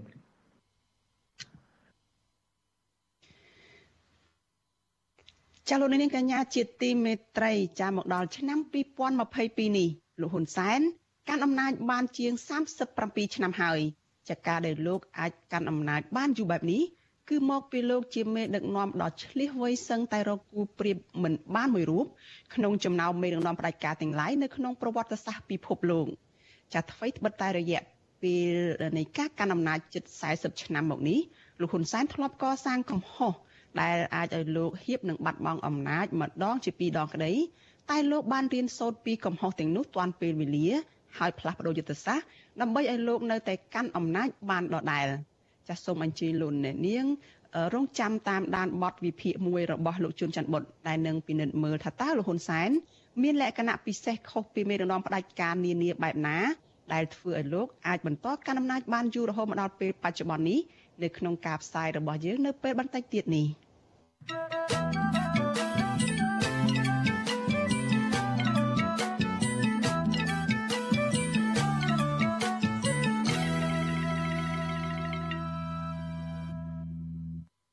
ចាលោកនាងកញ្ញាជាទីមេត្រីចាព័ត៌មានតកតងនឹងជំងឺ Covid-19 វិញម្ដង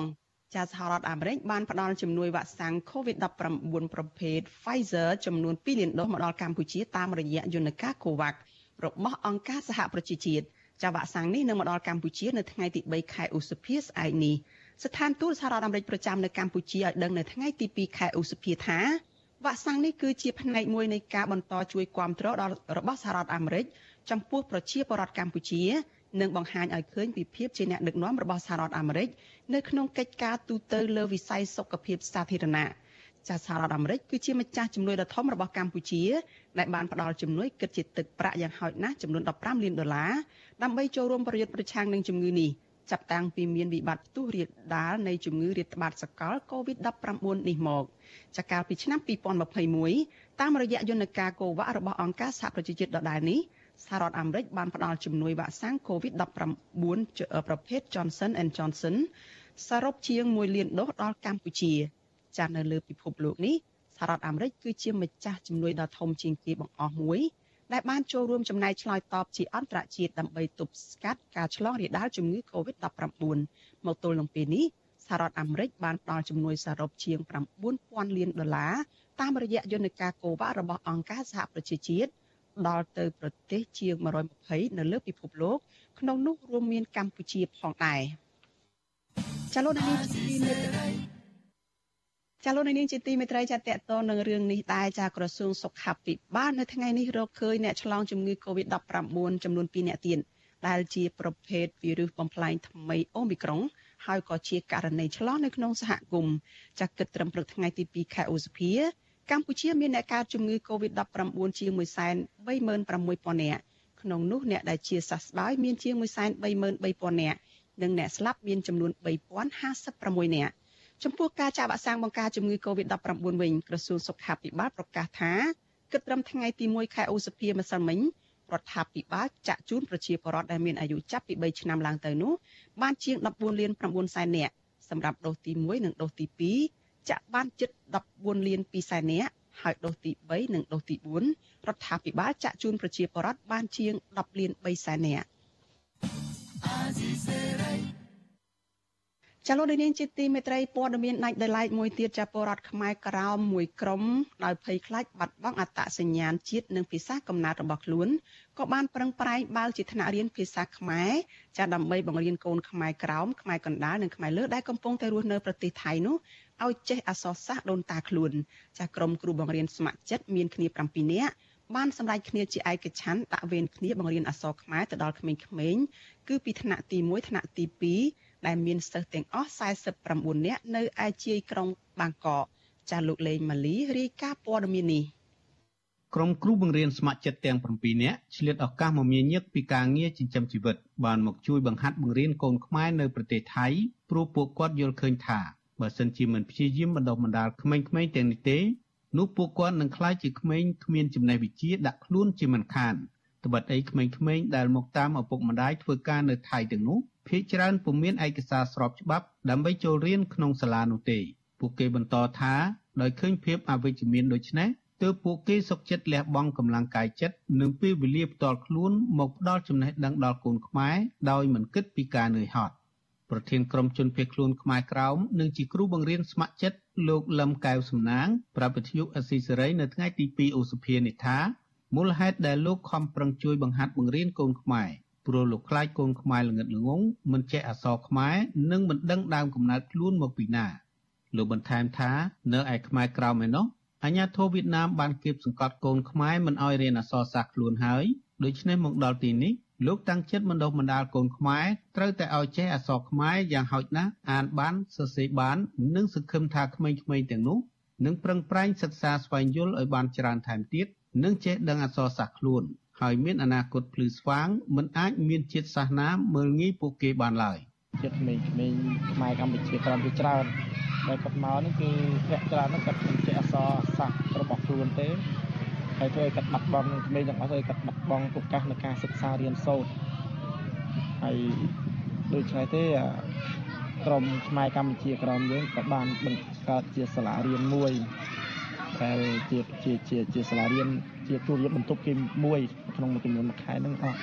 3300បាតដែរហើយយើងរៀនអក្សរសាស្ត្រដល់ក្មេងៗដែលជាជនភៀសខ្លួនមានអក្សរខ្មែរហើយនិងអង់គ្លេសហើយនិងភាសាថៃជាដើមប ដធំគឺអក្សរសាស្ត្រខ្មែររបស់ដូចគ្នានេះដែរអ្នកគ្រូបង្រៀនស្ម័គ្រចិត្តម្នាក់ទៀតគឺអ្នកគ្រូលីស៊ីណាតយល់ឃើញថា កូនខ្មែរនៅទីនេះពួកគាត់មានទឹកចិត្តចង់ចេះដឹងភាសាខ្មែរទើបអ្នកស្រីសុកចិត្តចំណាយពេលវេលាផ្ទាល់ខ្លួន ដោយមិនគិតពីការនឿយហត់អ្នកស្រីបន្ថែមថាកូនខ្មែរទោះទៅដល់ទីណាក៏ដោយក៏មិនបោះបង់ខ្មែរចោលដែរដូច្នេះអ្នកស្រីនឹងខំបង្រៀនឲ្យអស់ពីកម្លាំងកាយនិងកម្លាំងចិត្តដើម្បីអនាគតពលរដ្ឋសាសខ្លួន បើសិនជាពួកគាត់មើលឃើញពីសាលារបស់យើងកាន់តែល្អព្រោះថាយើងនៅទីនេះមានការខ្វះខាតច្រើន ទាំងទីកន្លែងយើងរៀនគឺទូចហើយសម្ភារៈរបស់យើងគឺខ្វះខាតច្រើនចង់ឲ្យទាំងរដ្ឋាភិបាលខ្មែរហើយនិងរដ្ឋាភិបាលថៃចូលរួមមើលឃើញពីសាលារបស់យើងដោយឡែកសិស្សថ្នាក់ទី1ខគឺកុមារាចៅអន្ទ្រិនអាយុ8ឆ្នាំនិយាយថាខ្លួនមករៀនបាន2ឆ្នាំហើយ កុមារវ័យ8ឆ្នាំរូបនេះបន្តថានៅពេលរូបគេធំឡើងនឹងធ្វើការជាអ្នកសម្អាតទីក្រុង នៅស្រុកកំណើតឲ្យស្អាតដូចនៅប្រទេសថៃកុមារារូបនេះបន្តថាខ្លួនស្រឡាញ់អក្សរខ្មែរកូនទៅសាលាកូនត្រូវយកចិត្តទុកដាក់កុំស្លោះប្រកែកបែមុខក្រោយណាក៏សំឡាញ់យកចិត្តទុកដាក់អេស្លោះប្រកែកបែមុខក្រោយណាក៏សំឡាញ់អេកូនចេញពីសាលាកូនត្រូវយកចិត្តតាមផ្លូវហើយអាទៅចេញឯអូខ្មាស់គេណាកូនគឺតាជាកូនខ្មែរត្រូវតែរៀនអង្គសតាមស្ដាប់វប្បធម៌ក៏សាងជាតិរុងរឿងខ្លៃខ្លះ ចំណែកសិស្សថ្នាក់ទី1ខម្នាក់ទៀតកុមារី នាងវិនខេមរាថ្លែងថានៅពេលនាងធំឡើងគឺចង់ធ្វើជាគ្រូបង្រៀនកុមារីនេះចេះចាំព្យញ្ជនៈភាសាខ្មែរនិងអាចសូត្រមេសូត្រយ៉ាងពិរោះ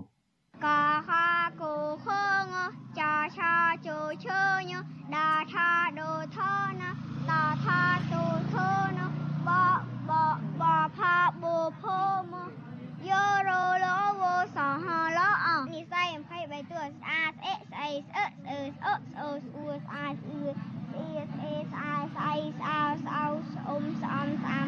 ស្អាស្អុស្អុស្អេសាពលរដ្ឋខ្មែរក្រៅមកពីដែនដីសណ្ដទន្លេមេគង្គដែលគ្រប់គ្រងដោយប្រទេសវៀតណាមនេះពួកគេមានសមាជិកជាង200នាក់ស្មើនឹង67គ្រួសារ សពថ្ងៃរស់នៅជាជនភៀសខ្លួនក្នុងប្រទេសថៃដែលទទួលស្គាល់ដោយឧត្តមស្នងការអង្គការសហប្រជាជាតិទទួលបន្ទុកជនភៀសខ្លួនប្រចាំទីក្រុងបាងកកខ្ញុំបាទលេងម៉ាលីវិទ្យុអាស៊ីសេរីរាយការណ៍ពីរដ្ឋធានី Washington ចាលោកនាងជាទីមេត្រីចាលោកអ្នកកំពុងតែតាមដានការផ្សាយរបស់វិទ្យុអាស៊ីសេរីចាប់ផ្សាយចេញពីរដ្ឋធានី Washington សហរដ្ឋអាមេរិកចាព័ត៌មានតកតនឹងការការពារធនធានធម្មជាតិព្រៃឈើវិញម្ដង ចាប្រជាសហគមន៍ព្រៃឡង់រិះគន់ថាអាញាធរនៅក្នុងខេត្តព្រះវិហារមិនអើពើទប់ស្កាត់បទល្មើសព្រៃឈើដែលប្រព្រឹត្តឡើងដោយក្រុមហ៊ុនវៀតណាមឈ្មោះថា PNT ចាពួកគេអះអាងថាក្រុមហ៊ុននេះនៅតែបន្តបញ្ជូនកម្លាំងកម្មកររាប់សិបនាក់ប្រើប្រាស់គោយន្តនិងរណាយន្តសម្រាប់កាប់បំផ្លាញព្រៃឈើនៅក្នុងដែនជំរកសត្វព្រៃព្រៃឡង់ទ្រង់ទ្រាយធំអស់រយៈពេលជាច្រើនខែមកហើយនៅមិនទាន់ឃើញអាជ្ញាធរចុះបង្ក្រាបនៅឡើយទេមករហូតរហូតមកដល់ពេលនេះ ចាអ្នកសម្របសម្រួលសហគមន៍ព្រៃឡង់នៅឯខេត្តព្រះវិហារលោកស្រីថៃលោកប្រាប់វិទ្យុអាស៊ីសេរីនៅថ្ងៃទី2ខែឧសភាថាអាជ្ញាធរខេត្តព្រះវិហាររវល់ទៅរឿងឃោសនាអូសទាញប្រជាពលរដ្ឋឲ្យបោះឆ្នោតឲ្យគណៈបកកណ្ដាលអំណាចដោយមិនខ្វល់ពីបទល្មើសព្រៃឈើដែលកំពុងកើតមានយ៉ាងពេញទំហឹងនោះទេចាលោកបញ្ជាក់ថាមកទល់ពេលនេះក្រុមកម្មកររាប់សិបនាក់ភាគច្រើនជាពលរដ្ឋមកពីខេត្តកំពង់ធំកំពុងនាំគ្នាកាប់ឈើនៅក្នុងព្រៃឡង់ដឹកចូលការដ្ឋានក្រុមហ៊ុនវៀតណាម PNT ចាលោកបារម្ភពីជោគវាសនារបស់ព្រៃឡង់ថានឹងមានលែងដើមថានឹងលែងមានដើមឈើធំធំនៅក្នុងពេលដ៏ខ្លីខាងមុខអត់មានពិភពទេមុនមុនគយន្តកាច់ឥឡូវនេះដល់រយហើយខ្ញុំយើងឃើញតែមិនទេបើយើងរាយការណ៍ភាសាពីសាយើងមិនដឹងជួយស្អីផងហើយមានតែយើងនឹងអស់សង្ឃឹមចុងក្រោយវាអាចនឹងបាត់បង់ត្រីជួយយើងវានៅតែប៉ុណ្ណេះដែរដែរ ចាប្រជាសហគមន៍ព្រៃឡង់រូបនេះបន្ថែមថាបើទោះបីជាពួកលោកបានស្នើសុំកិច្ចអន្តរាគមន៍ពីអាជ្ញាធរជាច្រើនដងនិងបង្ហោះព័ត៌មាននៅតាមបណ្ដាញសង្គម Facebook បង្ហាញពីសកម្មភាពកាប់ឈើធំធំនៅក្នុងព្រៃឡង់ដើម្បីឲ្យអាជ្ញាធរអនុវត្តច្បាប់ប៉ុន្តែគឺគ្មានផលឡើយលោកសោកស្ដាយត្រណោះដើមឈើធំធំប្រភេទផ្អុងដូងចែមផ្ដៀកនិងឈើទាលជាដើមដែលមានអាយុកាលរាប់រយឆ្នាំត្រូវគេកាប់ផ្ដួលអស់ជាច្រើនបន្តបន្ទាប់នៅរយៈពេល4ខែចុងក្រោយនេះ ចាស់វិទ្យុអាស៊ីសេរីនៅមិនទាន់អាចតាក់ទងសុំការឆ្លើយតបរឿងនេះពីក្រុមហ៊ុនវៀតណាម PNT បានទេនៅថ្ងៃទី2ឧសភាដោយហៅទូរស័ព្ទចូលច្រើនដងតែគ្មានអ្នកលើកចំណែកអភិបាលខេត្តព្រះវិហារលោកប្រាក់សវណ្ណនិងប្រធានមន្ទីរបរិស្ថានខេត្តនេះលោកសុងច័ន្ទសុជាតិក៏មិនទាន់អាចតាក់ទងបានដែរចាស់ក្រុមហ៊ុន PNT ទទួលបានដីសម្បត្តិសេដ្ឋកិច្ចពីរដ្ឋាភិបាលទំហំជាង7000ហិកតានៅស្រុករវៀងខេត្តព្រះវិហារកាលពីឆ្នាំ2010ក្រោមកិច្ចសន្យារយៈពេល70ឆ្នាំ ចាស់ក្នុងកិច្ចសន្យាក្រុមហ៊ុននេះវិនិយោគដាំដំណាំក្លឹមច័ន្ទនិងដំណាំរួមផ្សំផ្សេងផ្សេងទៀតប៉ុន្តែប្រជាសហគមន៍អះអាងថាក្រុមហ៊ុននេះមិនបានដាំដុះទៅតាមកិច្ចសន្យានោះទេដោយផ្ដោតទៅលើការកាប់ឈើទៅវិញទេ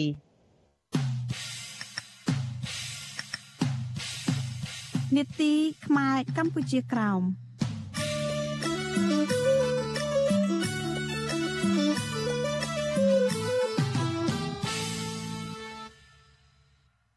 ចាលោកនាងជាទីមេត្រីចាសហព័ន្ធខ្មែរកម្ពុជាក្រោមបានដឹកនាំប្រតិភូមួយក្រុមទៅចូលរួមវេទិកាអចិន្ត្រៃយ៍ស្ដីពីបញ្ហាជនជាតិដើមភាគតិចរបស់អង្គការសហប្រជាជាតិនៅបូរីញូវយ៉កសហរដ្ឋអាមេរិកបានក្នុងរយៈពេល14ថ្ងៃ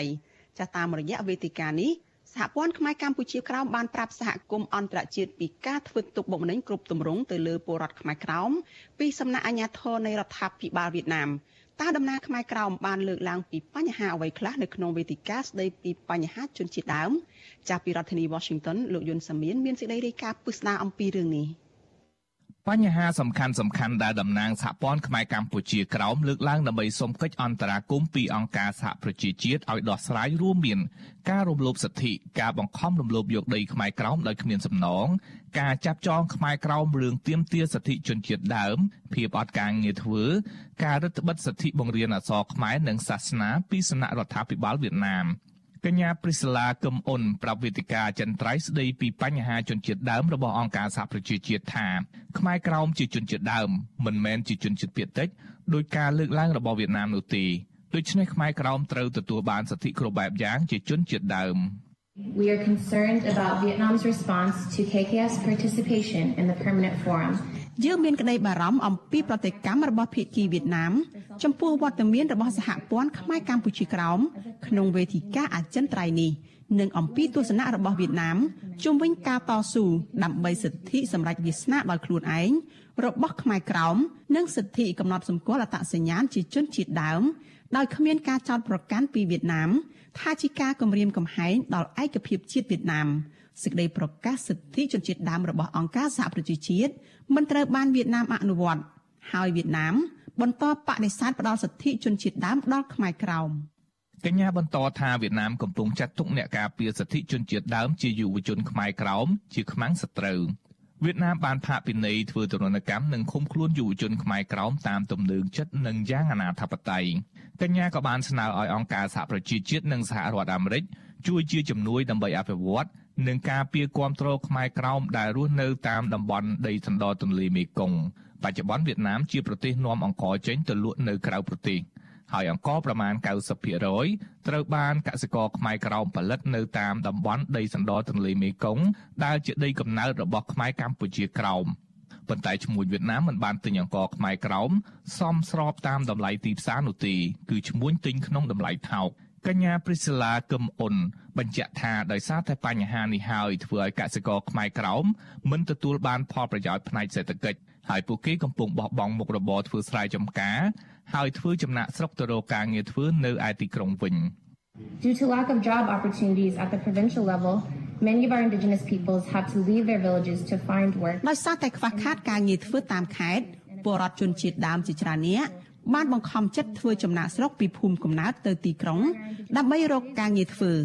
ការធ្វើចំណាក់ស្រុកទៅទីក្រុងដ៏តូចចង្អៀតឬក៏ធ្វើដំណើរទៅក្រៅស្រុកមិនអាចឲ្យជនជាតិដើមអាចថែរក្សាភាសានិងវប្បធម៌របស់ពួកគេបាននោះទេ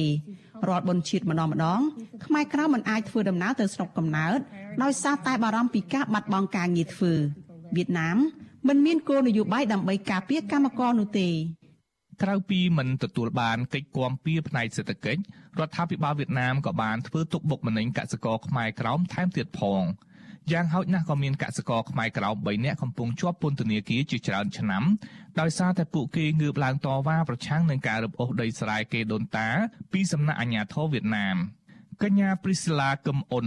ស្នើឲ្យអ្នករាយការណ៍ពិសេសរបស់អង្គការសហប្រជាជាតិផ្នែកសិទ្ធិទទួលបានម្ហូបអាហារស៊ើបអង្កេតករណីនេះ កញ្ញាក៏ស្នើសុំឲ្យអង្គការ UNESCO និង UNICEF ផ្ដល់ជាជំនួយថវិកានិងបច្ចេកទេសដើម្បីបង្កើតសាលារៀនពីរភាសា ដើម្បីឲ្យកូនខ្មែរក្រោមអាចរៀនអក្សរខ្មែរពីមត្តេយសាលា ដល់មហាវិទ្យាល័យវេទិកាអចិន្ត្រៃយ៍ស្ដីពីបញ្ហាជនជាតិដើមរបស់អង្គការសហប្រជាជាតិធ្វើឡើងរយៈពេល2សប្តាហ៍ចាប់ពីថ្ងៃទី26មេសាដល់ថ្ងៃទី6ឧសភាវេទិកានេះជាស្ថាប័នផ្ដល់ប្រឹក្សា ទៅដល់ក្រមប្រឹក្សាសង្គមនិងសេដ្ឋកិច្ចរបស់អង្គការសហប្រជាជាតិវេទិកានេះត្រូវបានគេបង្កើតឡើងកាលពីឆ្នាំ2000ដើម្បីដោះស្រាយបញ្ហាជនជាតិដើមរួមមានការប្រវត្តិសេដ្ឋកិច្ចសង្គមវប្បធម៌អប់រំសុខាភិបាល និងបញ្ហាសិទ្ធិមនុស្សអនុប្រធានសហព័ន្ធខ្មែរកម្ពុជាក្រោមលោកម៉ៅមនីដែលជាអ្នកដឹកនាំប្រតិភូខ្មែរក្រោមទៅចូលរួមវេទិកាចន្ទ្រៃស្ដីពីបញ្ហាជនជាតិដើមប្រាប់វិទ្យុអាស៊ីសេរីថា តាមរយៈវេទិការបស់អង្គការសហប្រជាជាតិនេះហើយទើបធ្វើឲ្យសហគមន៍អន្តរជាតិបានស្គាល់ខ្មែរកម្ពុជាក្រោមកាន់តែច្បាស់បន្ថែមទៀតការចូលប្រជុំជាមួយអង្គការសហជាតិវាមានសំខាន់ឲ្យខ្មែរក្រមយើងពីព្រោះបងប្អូនយើងនៅស្រុកក៏គ្មានសិទ្ធិចូលរួមហើយបើយើងបានលើកឡើងទាំងអស់រឿងខ្មែរក្រមប្រឈមមុខអង្គការក្រៅរដ្ឋាភិបាលក្រុមយុវជនយុវជនយើងបានត្រាស់មកថាពេលយើងស្លែងសុនកថាហើយមានអ្នកកសែតមានអង្គការមួយចំនួន ចង់មកសម្ភាសចង់មកសួរយើងថែមរឿងខ្មែរក្រមយើងនឹងអញ្ចឹងយើងមានការសង្ឃឹមធំមែនទែនពីព្រោះបញ្ហាខ្មែរក្រមចាប់ដើមជ្រាបដល់អ្នកកសែតដល់អង្គការសហជាតិតំណាងសហព័ន្ធខ្មែរកម្ពុជាក្រោមនឹងបន្តចូលរួមវេទិកាចន្ទ្រៃស្ដីពីបញ្ហាជនជាតិដើមនេះមួយសប្តាហ៍ទៀតនៅសប្តាហ៍នេះវេទិកានេះនឹងផ្ដោតលើកិច្ចសន្ទនារវាងតំណាងរដ្ឋាភិបាលក្រមជនជាតិដើម និងអ្នករាយការណ៍ពិសេសរបស់អង្គការសហប្រជាជាតិជាដើមបញ្ហាដែលគេនឹងលើកមកជជែកនោះរួមមាន ការស្ដារឡើងវិញនៅសេដ្ឋកិច្ចក្រោយការរាតត្បាតជំងឺ Covid-19 បញ្ហាភាសាជនជាតិដើមនិងការរៀបចំរបៀបវារៈសម្រាប់វេទិកាចន្ទ្រៃស្ដីពីជនជាតិដើមសម្រាប់ឆ្នាំ2023ខ្ញុំយុនសាមៀនវិទ្យុអាស៊ីសេរីប្រធានាធិបតី Washington ចាលោករនាងកញ្ញាដែលកំពុងតាមដានការផ្សាយរបស់វិទ្យុអាស៊ីសេរីទាំងអស់ជាទីមេត្រី ចាំមកទល់នឹងឆ្នាំ2022នេះចាលោកហ៊ុនសែន កាន់អំណាចបានជាង37ឆ្នាំហើយការដែលលោកអាចកាន់អំណាចបានយូរបែបនេះគឺមកពីលោកគឺជាមេដឹកនាំដ៏ឆ្លៀសវៃសឹងតែរូបគូប្រៀបមិនបានមួយរូបនៅក្នុងចំណោមមេដឹកនាំផ្ដាច់ការទាំងឡាយនៅក្នុងប្រវត្តិសាស្ត្រពិភពលោកចាស់ថ្វិតថ្មីត្បិតតែក្នុងរយៈកាលកាន់អំណាចជិត40ឆ្នាំនេះលោកហ៊ុនសែនធ្លាប់សាងកំហុសដែលធ្វើឲ្យលោកហៀបនឹងបាត់បង់អំណាចម្ដងជាពីរដងក្តីតែលោករៀនសូត្របានពីកំហុសទាំងនោះទាន់ពេលវេលានិងបានផ្លាស់ប្ដូរយុទ្ធសាស្ត្រ ដើម្បីឲ្យលោកនៅបន្តកាន់អំណាចបានដដែលចាសសូមអញ្ជើញលោកអ្នកនាងរងចាំស្ដាប់បទបទវិភាគមួយរបស់លោកជុនច័ន្ទបុតចាស់ដែរនឹងពិនិត្យមើលថាតើលោកហ៊ុនសែនមានលក្ខណៈពិសេសខុសពីមេដឹកនាំផ្ដាច់ការនានាបែបណាដែលធ្វើឲ្យលោកអាចបន្តកាន់អំណាចបានយូររហូតមកដល់ពេលបច្ចុប្បន្ននេះ។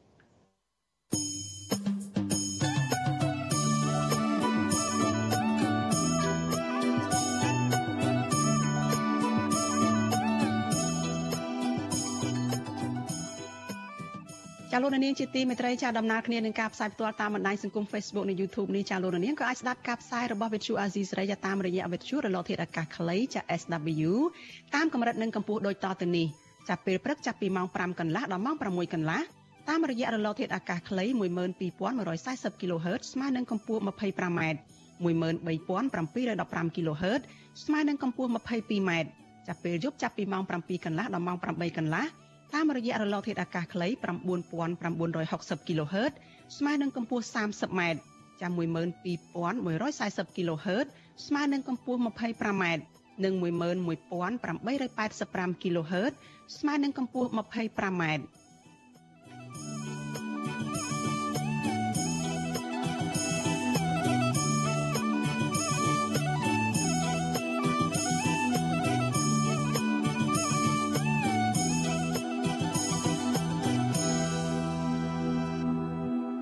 ចាលោកនាងជាទីមេត្រីចាចំពោះលោកនាងដែលកំពុងតែតាមដានការផ្សាយរបស់យើងចាតាមរយៈវិទ្យុរលកធាតុអាកាសខ្លីចានេះខ្ញុំសូមជម្រាបលាលោកអ្នកត្រឹមតែប៉ុណ្ណេះចាប៉ុន្តែចំពោះលោកនាងដែលកំពុងតែតាមដានការផ្សាយរបស់យើងតាមបណ្ដាញសង្គម Facebook និង YouTube ចាសូមបន្តតាមដានការផ្សាយរបស់យើងជាបន្តទៅទៀតចាកម្មវិធីជាបន្តទៅទៀតនេះចាយើងនៅមានបទវិភាគមួយរបស់លោកជុនច័ន្ទបុតដែលនឹងពិនិត្យមើលថាតើ